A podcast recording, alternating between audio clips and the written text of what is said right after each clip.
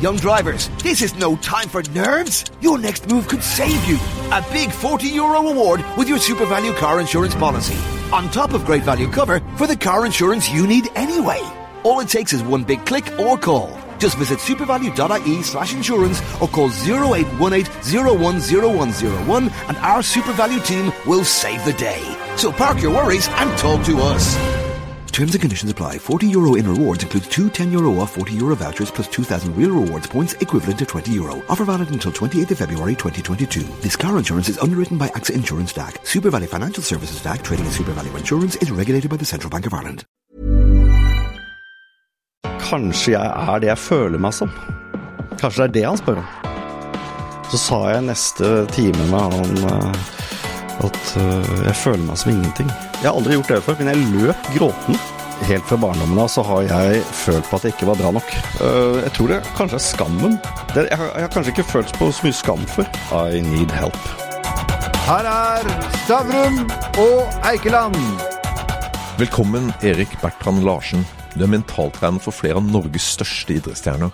Petter Northug, Tutta. Og også for veldig mange i finanseliten. Du hadde alt. En fantastisk kone, penger, eget TV-program. Du hadde status. Men plutselig mistet du alt og måtte på rehab. Hva var de første tegnene på at noe var galt? Ja, godt spørsmål. Um, da må jeg tenke.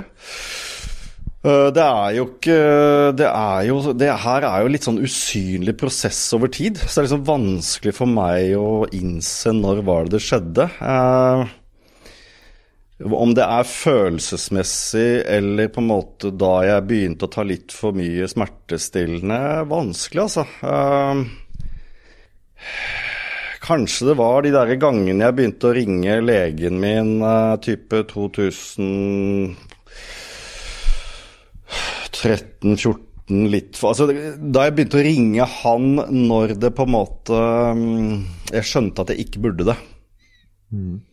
Men det er et spørsmål som jeg egentlig ikke har tenkt så mye på. For det her er sånn det, det er en sånn Fra å ha kontroll til du mister kontroll på disse pillene, da. Som på en måte ble symbolet på min nedtur, på en måte. Den, det er sånn nesten sånn eh, Det er nesten sånn usynlig. Det er sånn du, har, du tar litt, du har kontroll. Du tar litt, du har kontroll.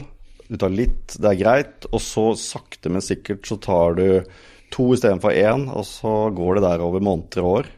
Så da, og da ljuger du for deg sjøl, vet du. Derfor gjorde jeg det. Men hvordan merka du det altså i hverdagen? Altså, pillene tok meg jo ned. Til, pillene tok eh, Jeg fikk hvile, på en måte. Både eh, smertene og de vonde følelsene. Så jeg nummet jo ut uh, ubehaget med de pillene. Um, og brukte nok litt sånn unnskyldningen eh, at det var nakke- og hodepinen som var det primære. Og det var det, for så vidt i utgangspunktet. Men overgangen fra liksom at det var en fysisk skade og problemer med nakke- og hodepine, til at det også var en emosjonell utfordring, er veldig vanskelig å si. Eh, og det var jo mest på kveldstid jeg eh, tok det der, når jeg på en måte hadde et behov for å lade ned. fordi det var jo mange ting som skjedde samtidig i livet. Um, uh, så da, da rakna det på en måte både her og der. Og så skulle jeg jo være en tøffing, og så skulle jeg jo være en harding som takla de greiene her. For jeg var jo mentaltrener, måtte vite. Og jeg var jo en harding, måtte vite. Så jeg måtte jo jeg, Er det noen som skulle fikse det her? Og jeg var det en som på en måte ikke innså overfor seg selv at han var avhengig, så var det meg. Jeg trodde jo innerst inne i hjerterota at dette skulle jeg klare å fikse på egen hånd. Jeg tror det er en dialog som Hemingway hadde, hvor en spør en annen hvordan gikk du konkurs. Så sier han først gradvis, så plutselig. Ja. Er det litt den følelsen? Ja, det er litt sånn. For det er, det er gradvis, og det er sånn at du, du tror du har kontroll, og, og ting funker sånn noenlunde. Og så kommer det sakte, men sikkert litt sånn Men det er ingen som forteller deg dette her. Det er ingen som kan gi deg på en måte v- varselsignalene. Jeg var jo en som skulle trykke på uansett F, og jeg tålte jo mye. Det føler jeg på mange måter jeg gjør òg, men samtidig så har jo alle et bristepunkt. Og så, og så, så, så, dette det, det her eh, knakk jo sammen, på en måte. Men, men var det ting som skjedde i, i, i hverdagen din som gjorde at eh, du, du begynte med mer og mer piller, eller var det pillene som forårsaka alt det tragiske i ditt liv? Jeg har nok hatt en underliggende Jeg, har nok, jeg sliter med fortsatt litt Eller jeg, Eh, Det er, det er vanskelig, det, du. For at du lærer jo på rehaben hva som har gått galt, på en måte. Uh, og de, på, de, de, er ikke så interessert i å høre om bilulykke og hodepine og sånne ting. fordi de, de mener jo at det er noe bakenforliggende her som er viktigere og mer avgjørende. Så det første spørsmålet jeg fikk på rehaben, er hvem er du? Uh, og det, det, var et spørsmål jeg aldri hadde Det hadde jeg aldri svart på før. Og etter hvert som ukene gikk, så skjønte jeg etter hvert uh, uh, hvorfor de stilte det spørsmålet. Og det jeg erkjente, var at det, helt fra barndommen av så har jeg følt på at jeg ikke var bra nok. Uh, og det er nok noe av grunnen til at jeg også har trøkka på mye. For jeg har alltid hatt behov for å bevise noe. Så det er nok dessverre, eller realiteten er nok at jeg, jeg ble jo mye Jeg var mye aleine som liten gutt. Jeg var mye bobba, mye erta. og ble ikke invitert på bursdager. og liksom følte at det var eh, Jeg følte det var litt sånn uh, tøft uh, som, som, guttunge. Og, og, og, når jeg skulle kompensere for han lille veklingen, sveklingen og, og bli en tøffing, så dro jeg jo inn i militæret.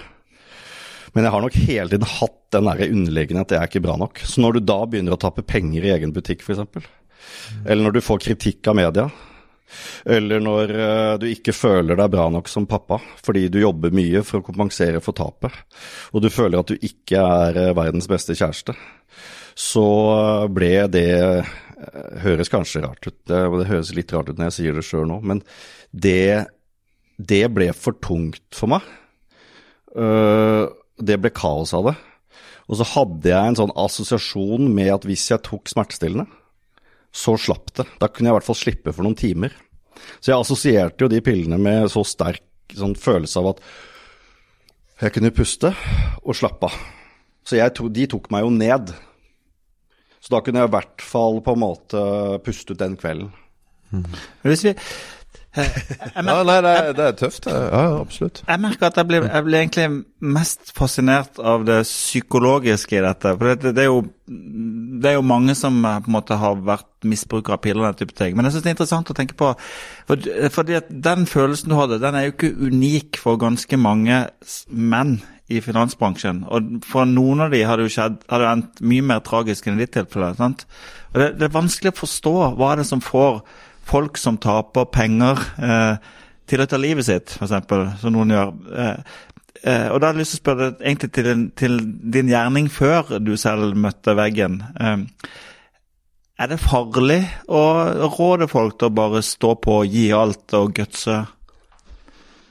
Ja, ja hvis, du isolerer spørsmålet sånn, så, så, så, er jo svaret ja. Og så må jeg få lov til å si at jeg har jo hvis du leser bøkene mine og har hatt én-til-én-coaching med meg, så, så, så, så, har jo jeg også predikert at skal du bli virkelig god og, og få en, en, fin reise her i livet, så må du være bevisst, og du må på en måte innse at hvile, restitusjon, være til stede, det er jo også viktig. Jeg har jo aldri definert suksess for andre. Jeg vil jo at folk skal tørre å tenke på hva som er suksess for dem. Mm.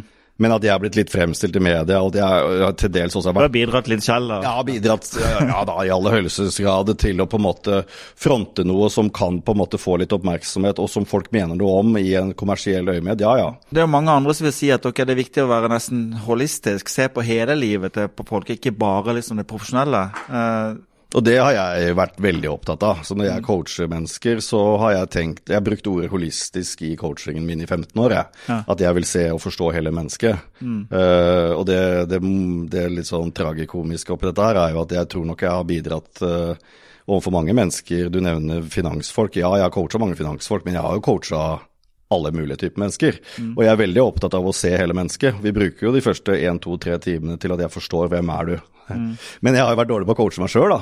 Men jeg, jo, jeg, jeg, føler at jeg har vært ganske flink til å forstå andre typer mennesker. Og det er igjen fra barndommen, at jeg har jo alltid vært en observatør. Jeg er supersensitiv i forhold til kroppsspråket ditt nå, f.eks.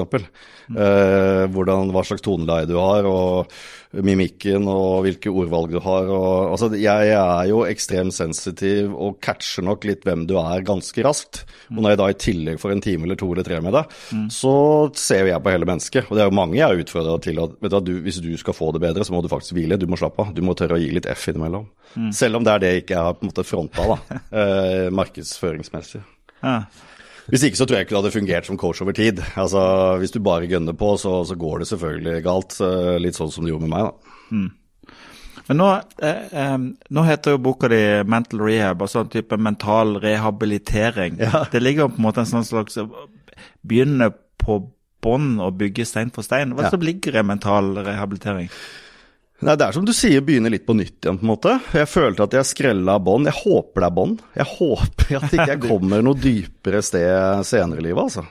For jeg skrapa bånd. Jeg var ekstremt langt nede. Jeg husker vi løp på morgenene uh, sånn seks-sju om morgenen på den rehab. Vi måtte trene hver morgen. Uh, jeg, jeg, jeg løp Jeg har aldri gjort det før, men jeg løp gråtende de første dagene. Jeg syns det var så ille.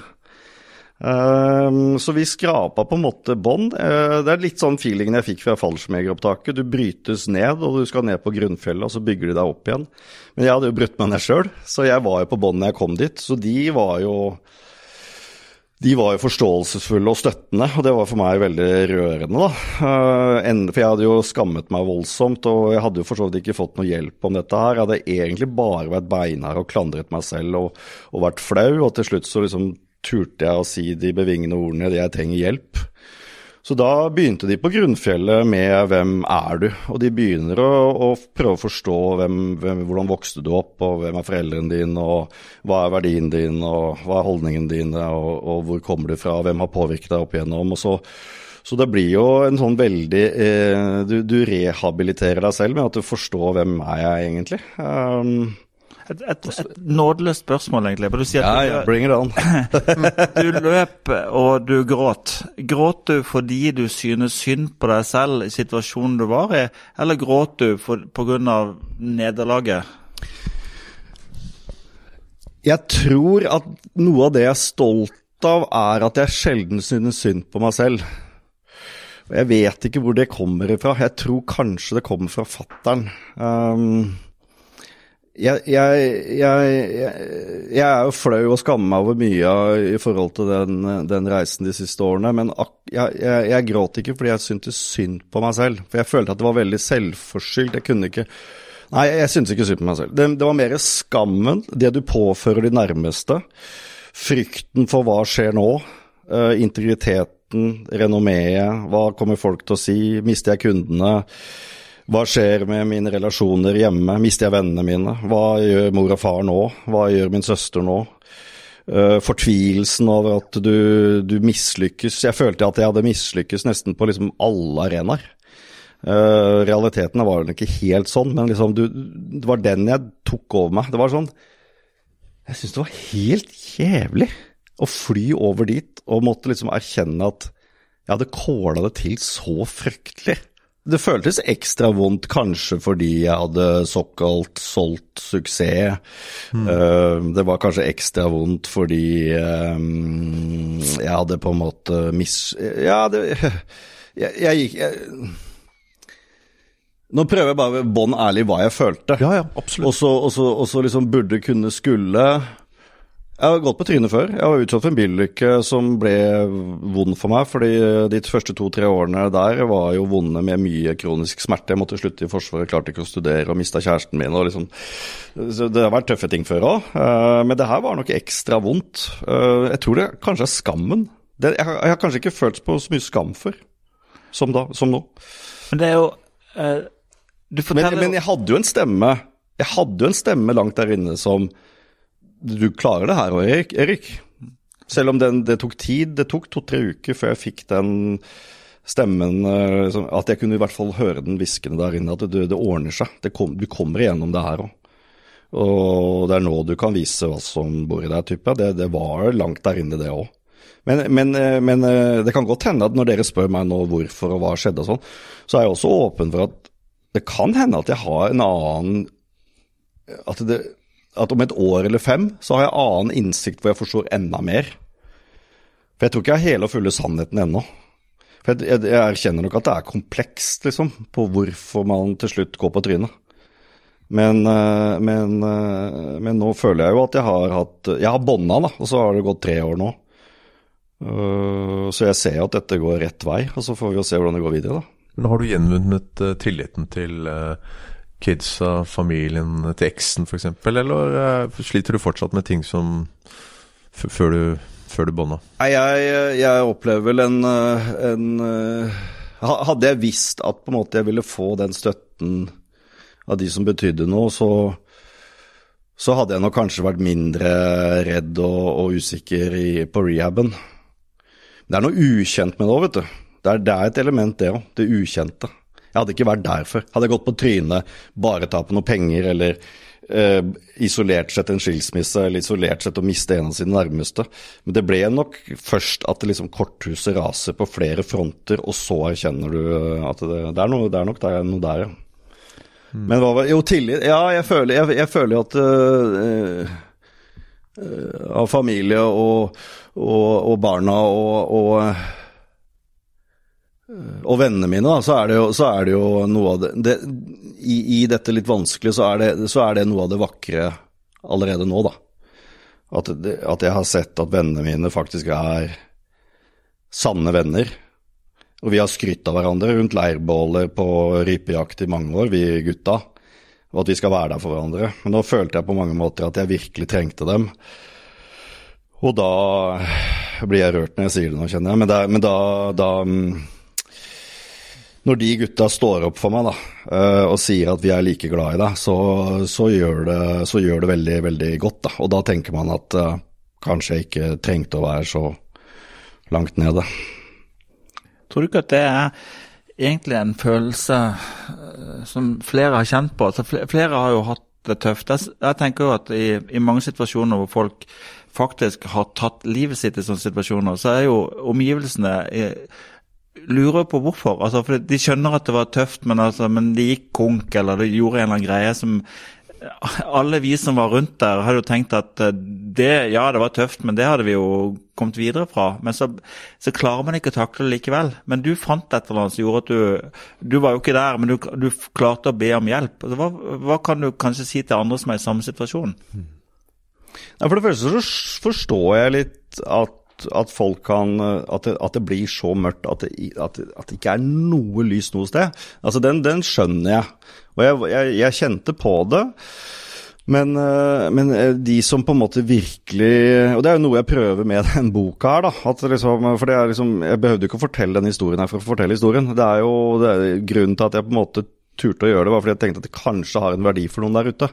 Så Derfor takker jeg for ditt spørsmål nå, for da er det kanskje noe større enn meg selv som kan legitimere at jeg kommer ut med det her. Jeg har ikke, jeg har ikke noe behov for oppmerksomheten i, i seg selv. Mm. Uh, og i hvert fall ikke når det er såpass ubehagelig som jeg opplever at det er. mm.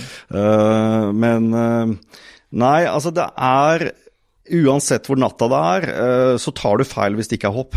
Altså, det er alltid håp.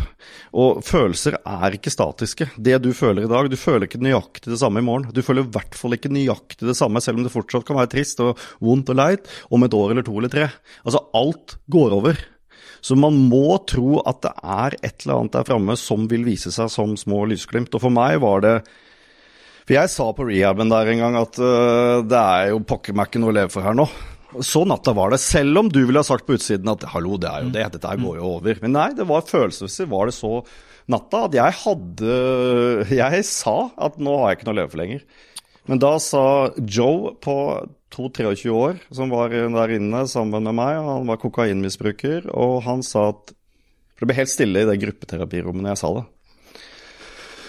Uh, og hvem er det som da bryter uh, på en måte den stillheten? Når jeg sa at vet du faen, det er noe å leve for her lenger. Og jeg, jeg hiksta jo og syntes dette her var uh, uendelig trist. Um, men da sa jo han du må gjøre det for barna dine, Erik.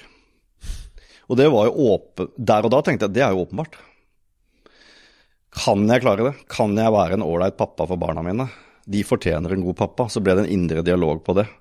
Så så jeg for meg at jeg kunne lage bål. For jeg, føl, jeg, eneste, jeg følte der at det eneste jeg er god på, er å lage bål.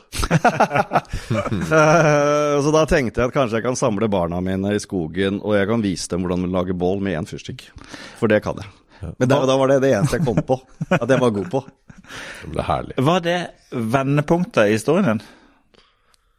Ja, det er vendepunktet hvor jeg gikk fra fortvilelse til håp. Det, jeg kaller barna mine for Malem fordi det, jeg har fem barn, og så er det første bokstaven på alle barna. Og det leste jeg et sted at på et eller annet språk i India som betyr Malem, universet. Og jeg tenkte at barna mine er mitt univers, og de er mine fem lysende stjerner i mørket. Hvilke eh, For å også snakke til flere andre som har hatt det tungt, hva, hva, var det de, hva var det de gradvise tingene som gjorde at du kom på lysere tanker? For det første så har du helt rett at det er gradvis. Så du, du, må på en måte tro på at det er veldig, veldig saktegående. Og det er for så vidt all endring bør være gradvis hvis det skal på en måte vare over tid. Så du må tro at liksom litt er mye. At det er litt over, over tid er mye. Uh, det, begynte med, det begynte med en bitte liten handling for min del som jeg følte var rett, eller som i hvert fall var bra for noe. Og det, det høres jo litt rart ut, uh, kjenner jeg, men jeg begynte å re opp senga mi. Uh, og da hadde jeg en liten seier, på en måte. Da hadde jeg i hvert fall gjort noe rett. Og så var det fysisk trening som, uh, som var uh, kanskje det aller, aller viktigste. Nei, det er vanskelig. Nei, det kan jeg ikke si. Jeg vil kanskje si å si sannheten var det viktigste. Å dele det med noen.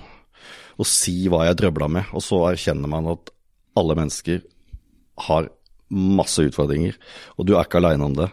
Og det å tørre å si det åpent, så bare sier alle, så sier folk at de kjenner seg igjen i større eller mindre grad.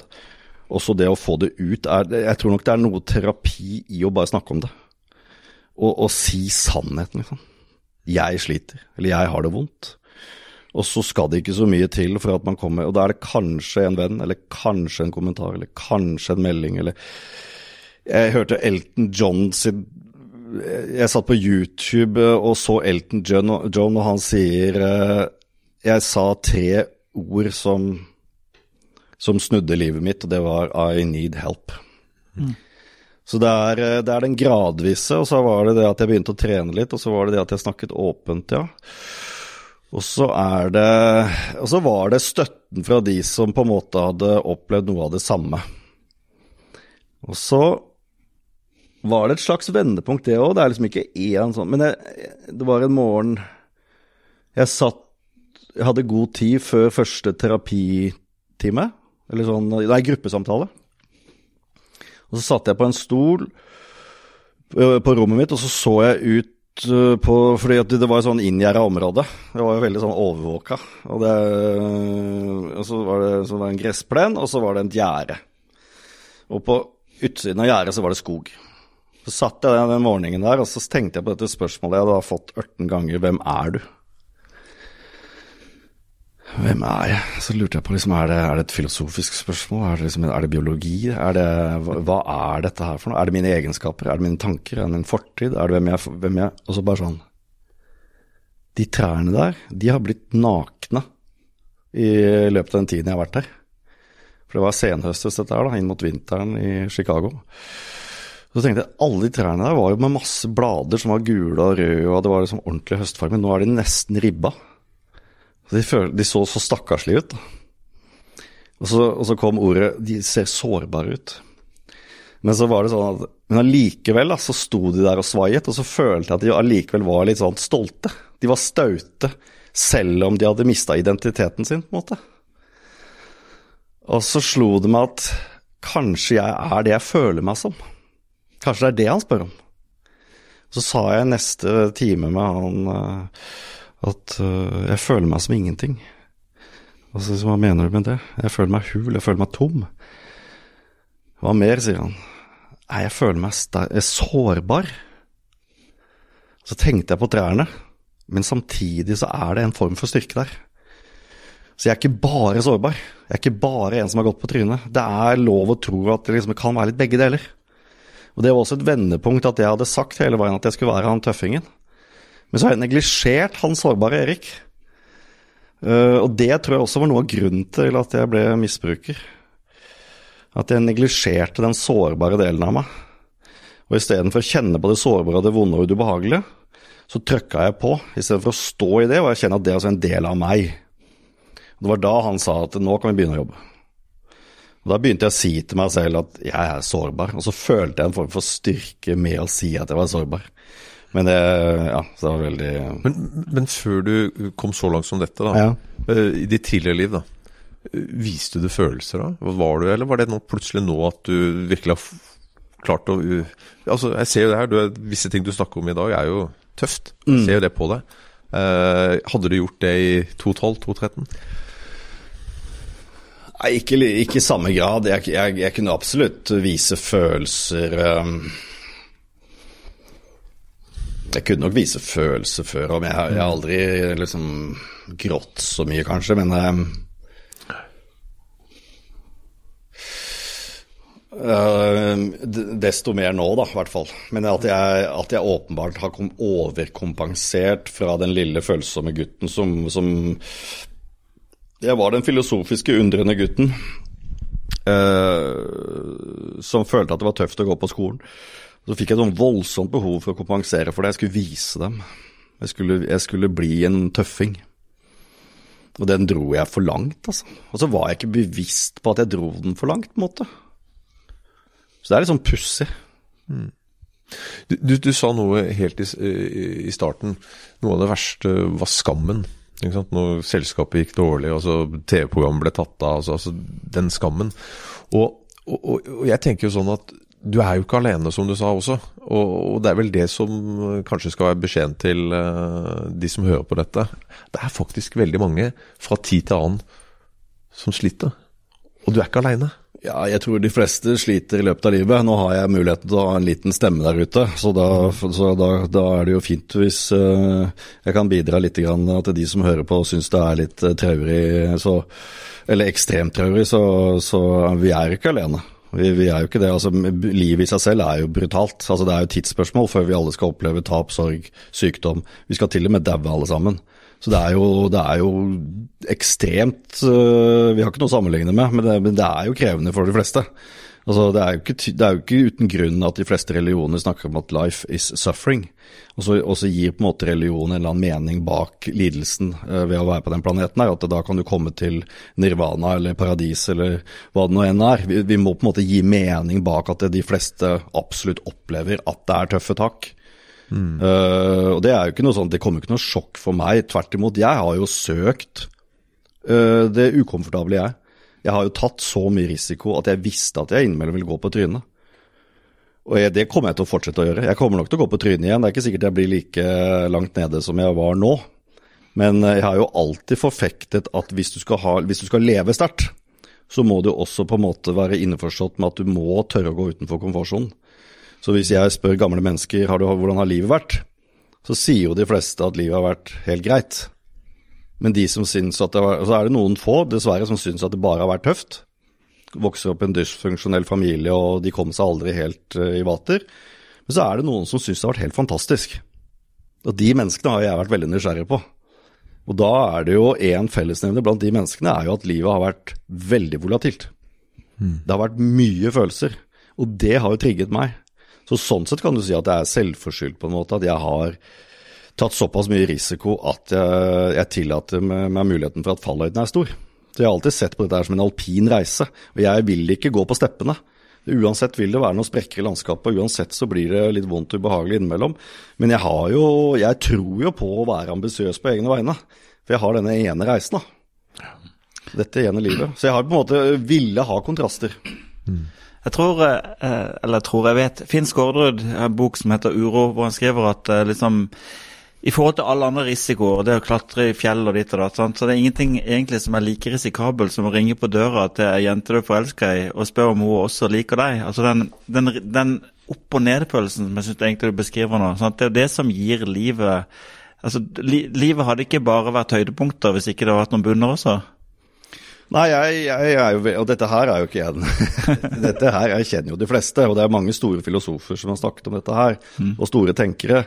Uh, og jeg er veldig fascinert av mange av dem, og, og, og jeg, er jo, jeg er jo veldig glad i den tanken om at uh, jeg vil veldig gjerne på dødsleiet si at dette har vært en fantastisk reise. Og da må jeg ha Jeg tror Min definisjon, da. Min definisjon på suksess er jo en emosjonell sterk reise. Jeg, jeg vil gjerne ha de fantastiske, euforiske, nydelige, herligste følelser, men for å få det, så må jeg også ha det diametralt motsatte. Så sånn sett så tar jeg en risiko. Skal du ha høy avkastning i livet, så, så, så må du på en måte erkjenne at da vil kursen gå opp og ned, da, for å si det litt på finansspråket. Hvor er du i dag? Det er helt greit. Jeg er ikke tilbake på topp. Eh, Og det er jo, det er jo, det er jo forbanna meg på at jeg skal ikke på en måte gå ut når livet smiler og alt er rosenrødt igjen, på en måte.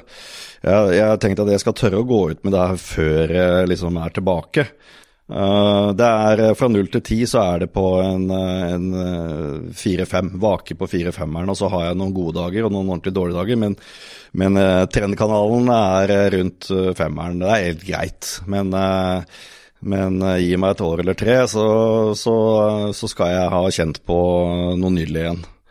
Uh, Så det fighter jeg litt for hver dag. Jeg prøver å ta vare på de rundt meg, og prøver å få eh, liksom mm, koll igjen. Mm. Men Var tieren en illusjon, eller var det virkelig en tier? Altså, eh, Var den toppen du opplevde før, en, en løgn eller en sannhet? Jeg vet ikke hvilken topp du snakker om. Men, eh, Når du gifta deg, TV-program eh, Ja, alt topp, så bare ja, jeg tror ikke, jeg tror ut. ikke det, det Det er sånn utad-greie, så kanskje det kunne virke som tilsynelatende enorm suksess og tjo og hei, men det var absolutt stunder der hvor jeg følte at livet smilte. Men, uh, men uh, de derre tierfølelsene mine, de er jo De, er, de har vært Altså, jeg er veldig, veldig altså, Jeg tror på kjærligheten. Altså, det å være veldig glad i noen kan gi noen vidunderlig herlige følelser. Jeg er veldig glad i naturen. Eh, Noen av mine sterkeste, fineste, magiske øyeblikk er i naturen. Eh, Jeg kan få noen vidunderlige opplevelser med barna mine og vennene mine. Men, eh, men eh, hva skal jeg si, sånn eh, Sånn der, eh, om det er penger eller status eller eh, sånne ting, det, det er jo ikke uten grunn at det er en eh, klisjé. Det gir ikke sånn veldig Det, det gir ikke meg Det kan gi en mestringsfølelse. Jeg husker jeg, jeg naila en avtale med Boston Consulting Group i New York. Det var faktisk en sånn jeg gikk ut på gata der da, og han eh, sjefen i BCG sa at vi har lyst til å bruke deg som coach, da, det, var, en- det, var, det, var, det var sånn Da var jeg sånn eh, Hvis du har sett In Pursuit of Happiness med, med han Will Smith, så, så var det en sånn følelse av noen sekunder hvor det der var kult. Men, Men det eh, er det du sier egentlig når du sier en fire-femmer, at det er på en måte at eh, Du brukte ordet volatilt, altså opp og ned. At det er på en måte en litt kjedeligere frekvens rundt en firer, mens du før kanskje, kanskje kunne gå fra en tier til en toer til en tier til en toer. At liksom, at det er det som er lykkeelementet, da. At det, svingninger og lykke er lykke i seg selv. Ja, lykke tror jeg du får av glimt. Liksom. Det, lykkefølelsen, hvis du skal si det, den, den, den er nok ganske kortvarig. Men jeg syns det er verdt å fighte for den. Øh, det er masse gode, positive ladede følelser. Øh, jeg, er veldig sånn, jeg er veldig glad i det jeg kaller for både mikro- og makrolende når det gjelder på en måte denne, den, disse kontrastene. Altså, jeg kan skape en veldig god følelse med å bare å ta meg en løpetur ute, selv om jeg, hvis jeg ikke hadde lyst og det er guffent vær ute, for da er det så vidunderlig etterpå i, med den varme dusjen, på en måte. Da kjenner jeg meg igjen. og, så, og så kan du få mer det der makrolendet som jeg kaller det, at det er litt sånn tøffe, tunge tider, og så vil det på en måte, vil det på en måte være et godt utgangspunkt for oss å få noen bedre tider, da. Så jeg er jo veldig glad i kontrastene, og den drar jeg langt, og den skal ikke jeg prakke på andre, men jeg, jeg tror jo på å veksle, da. Jeg tror det. For jeg, jeg er litt redd for den, og det, det kan nok sikkert provosere noen, men jeg er litt sånn redd for den der å ligge på femmeren stort sett hele livet, og så er det trist i en begravelse, så er det trist man mister jobben, og så får man noen sånne gladgreier innimellom. Men det, det, det, da er jeg redd jeg konkluderer med at dette har vært greit, altså. Tror du at du har blitt en bedre eller dårligere coach av det du har opplevd? Jeg, hå, jeg håper at jeg kan bli en bedre coach. Det håper jeg. Jeg tror at hvis du skal Hvis du skal coache Jeg husker da jeg begynte som coach, så var jeg jo i begynnelsen av 30-årene. Da kjente jeg jo litt på dette at jeg har jo ikke levd så fryktelig mye. Og det å coache ledere på 40-50-60 kjente jeg litt på. Jeg tror at hvis du skal coache, så bør du kunne noe om det de driver med. Må- nå har jeg jobba mye i næringslivet, og da bør du skjønne litt business. eh, og hva slags eh, utfordringer og rolle liksom, hva, hva, er det, hva er det livet deres byr på? Så ja, ja jeg, jeg tror jo at med å ha denne erfaringen her, så skjønner jeg enda mer av de som hvis, hvis jeg møter noen som er i en lignende tøff situasjon, så er jeg nok en bedre coach. For jeg forstår dem litt bedre. Men eh, Ja, jeg, jeg, jeg velger å tro det. Jeg velger å tro det. Jeg, jeg er nok litt mer ydmyk. Øh, jeg blir mer ydmyk, tror jeg. Og det tror jeg kan være bra i eh, en del sammenheng.